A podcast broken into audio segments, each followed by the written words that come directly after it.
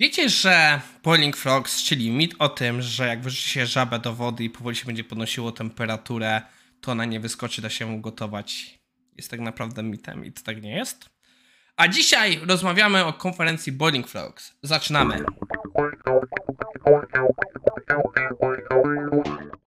Cześć.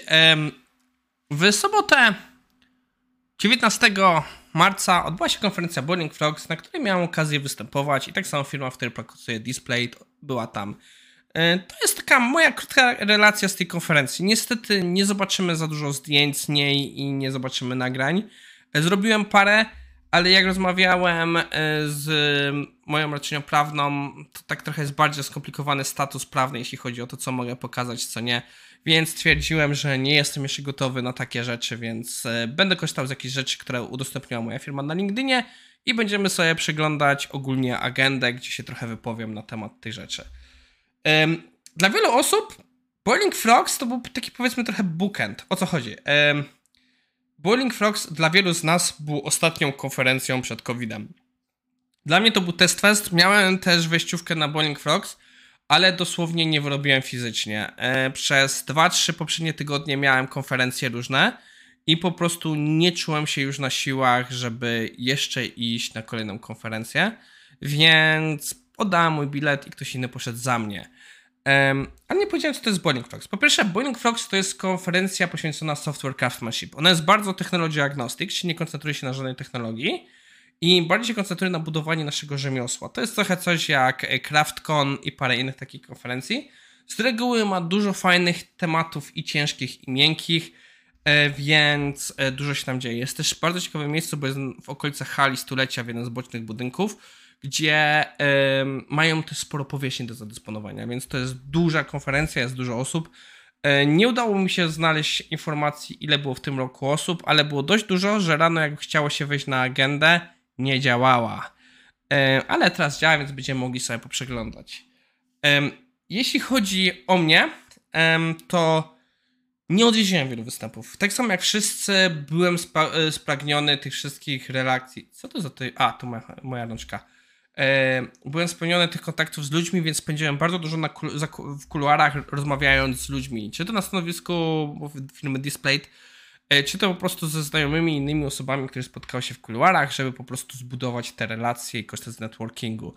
Co przyznam się, bardzo mnie wyniszczyło. E, nie było tego tego dnia widać, ale następnego dnia, kiedy pomagałem e, dziadkowi w porządkowaniu rzeczy, bo miał do wyrzucenia parę tapczanów, a u nich go będzie jutro, czy z perspektywy tego odcinka dzisiaj, właśnie wyrzut rzeczy gabarytowych to dawało, to po prostu już nie miałem siły na kontakty międzyludzkie, już wolałem ich unikać.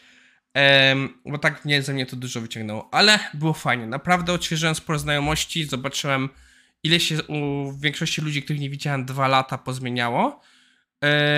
I tak samo myślę, że my wszyscy już trochę brakowało nam tych powrotów. Z tego co rozumiem, e, już to nie jest kompletnie pierwsza konferencja offline. PHPersi chyba też działo, PHPCon chyba też się działo, czy PHPersi e, dział offline, ale na tym nie uczestniczyłem, więc się nie wypowiem. Ale tak jak mówiłem, dla wielu osób Bowling Frogs był początkiem, było ostatnią konferencją przed COVID-em i pierwszą po COVID-zie. Nawet jak rozmawiałem z organizatorami, to oni mówili, że w tym budynku to jest pierwszy event, który się dzieje od dwóch lat i sporo zespołów technicznych, z których pomocy korzystali, od dwóch lat nic nie robili, że to było ich pierwsze jakieś wydarzenie po właśnie dwóch latach. Nie będę omawiał agendy, bo przyznam się szczerze, przez to, że e, e, nie byłem, e, więcej czasu spędziłem w kuluarach, nie mam aż tak dużo do powiedzenia. Bardzo mi się podobało właśnie wprowadzenie wstępne w wykonaniu Tomasza Kaczmarka, jest to organizator, gdzie on mówił o idiomach i o problemach z nazewnictwem, jak to jest, jak bardzo jest u nas to nazewnictwo rozmyte, że wiele firm warstwę interpretacji Agile'a i że później są puryści, z którymi bywa problem.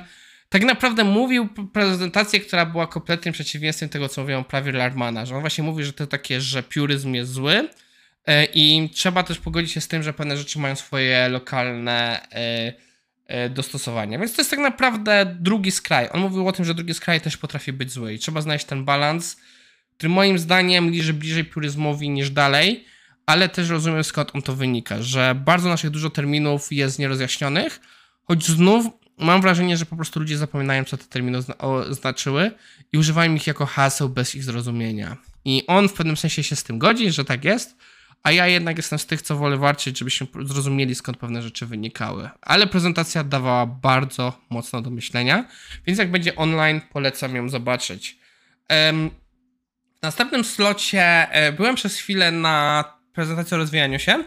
E, Krzysztof i Paweł mają bardzo podobne nazwiska. Jeden jest Rakowski, drugi jest Rekowski.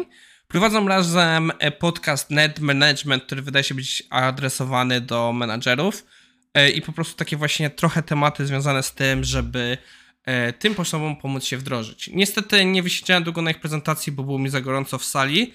Plus też rzeczy, które mówili i tak zobaczyłem agendę, bo przyznam się, że nie przeczytałem agendy wcześniej nie było coś, co w danym momencie potrzebowałem, więc stwierdziłem, że wolę zwolnić miejsce, bo naprawdę było dużo ludzi na sali. W kolejnym slocie byłem na prezentacji Sebastiana Buczyńskiego, który jest część, który pracuje w ramach Botegi, prowadzi szkolenia. Miał bardzo fajną prezentację o projektowaniu i o różnych patternach wykorzystywanych w ramach programowania obiektowego. Między innymi mnie do tej pory uniknął grasp. E, jakoś przynajmniej jeszcze gdzieś kiedyś mi się obył ten pattern, po, e, to, to, podejście pod uszy, ale nigdy z tego nie korzystałem e, i tak się bardziej z nim zapoznałem, to wydaje mi się, że to jest podejście, które będę uczył ludzi, zanim będę ich uczył Solida, jak sam ich będę wdrażał, bo jest o wiele łatwiejsze do zrozumienia. E, I też coś ciekawego Arthur powiedział, miał pewną uwagę do Solida, e, którą się zgodzę, jak tak pomyślałem. Autor uważa, że Solid ma ten problem, że wszędzie jest principle, principle, principle, gdzie tak naprawdę bardziej to są heurystyki niż zasady. I tu się dużo z nim zgodza. Um, ostatnią taką prezentacją, którą zahaczyłem, to był czego szuka Tegrid. I tu jest piękny przykład e, konsekwencji nieczytania agendy. Ja z reguły czytam agendę, ale przez to, że strona rano nie działała, to jak już zaznaczałem prezentację po tytule i później nie odświeżyłem tego. Myślałem, że prezentacja będzie bardziej o jakichś tematach technicznych, jak będzie technik sobie pracę organizował, a to była prezentacja o rekrutacjach. Z tej perspektywy była ciekawa, ale przyznam się szczerze, nie spodziewałbym się tego po tytule, chociaż też to nie jest tak, że tytuł kłamał. E, następne sloty już mnie trochę ominęły. Byłem też, dobra, byłem jeszcze na e, prezentacji Marka Osobista Programisty Krzysztofa Kępińskiego, Krzysiek prowadzi bardzo ciekawy podcast i fajnie było go spotkać fizycznie. Dużo e, pozamieniliśmy trochę słów, w końcu miałem z nim kontakt e, gdzieś poza światem e, internetowym, że było to fajne. Jeśli chodzi o moją prezentację, jak zwykle się pośpieszyłem. Z reguły celuję w 40 minut, żeby był czas na pytania. Przyspieszyłem i zrobiłem trochę ponad 30 minut, co okazało się być bardzo dobrym opcją bo wiele prezentacji tego dnia nie miało slotu na pytania i ludzie też byli spragnieni trochę podyskutować. I naprawdę miałem bardzo dużo pytań. Też z mojej perspektywy to był pierwszy raz, gdzie miałem prezentację, gdzie miałem duży support. O co chodzi? Display był naprawdę w ogromnej ilości e, widoczny na Bonning Frogs. Było nas ponad 18 osób, jeśli dobrze liczę. I większość przyszła na moją prezentację. E, także poza tym miałem spore wsparcie e, w ramach przygotowania. Nasze koleżanki z brandingu e, pomogły mi zrobić próby, pomogły mi zorganizować pewne rzeczy. Także zaciągnęły grafików, żeby przerobiły moje slajdy z tego, co jest, na coś, co jest po prostu super. Do tego stopnia, że od wielu osób słyszałem, że były to najlepsze slajdy na konferencji. Też się fajnie pracowało z nimi, bo w momencie jak dziewczyny z graficzki dostały slajdy, one nie wiedziały o czym mówię. Miały jedynie tak naprawdę wgląd, co jest na grafikach i po prostu patrząc po samych grafikach i testach, tekstach w większości wypadków odgadywały o czym jest slajd. W 95% zgadły pięknie, że się bardzo zgadzało mi to, co one wybrały z tym, co ja miałem pomyśleć. Były dwa slajdy, gdzie musieliśmy zrobić kolejną iterację, bo trochę źle zinterpretowały ale to było naprawdę super robota. Było kawał roboty, bardzo się cieszę, że tak było. Jeśli chodzi o sam display, my teraz staramy się pokazać bardziej na tych konferencjach polskich, bo mało osób wie, co to jest display, a ci nawet co wiedzą, e, nie wiedzą, że jesteśmy w Polsce. Większość z Was, kto jest dłużej na kanale, chyba wie, bo już bardzo mówiłem, Display ogólnie robi metalowe plakaty.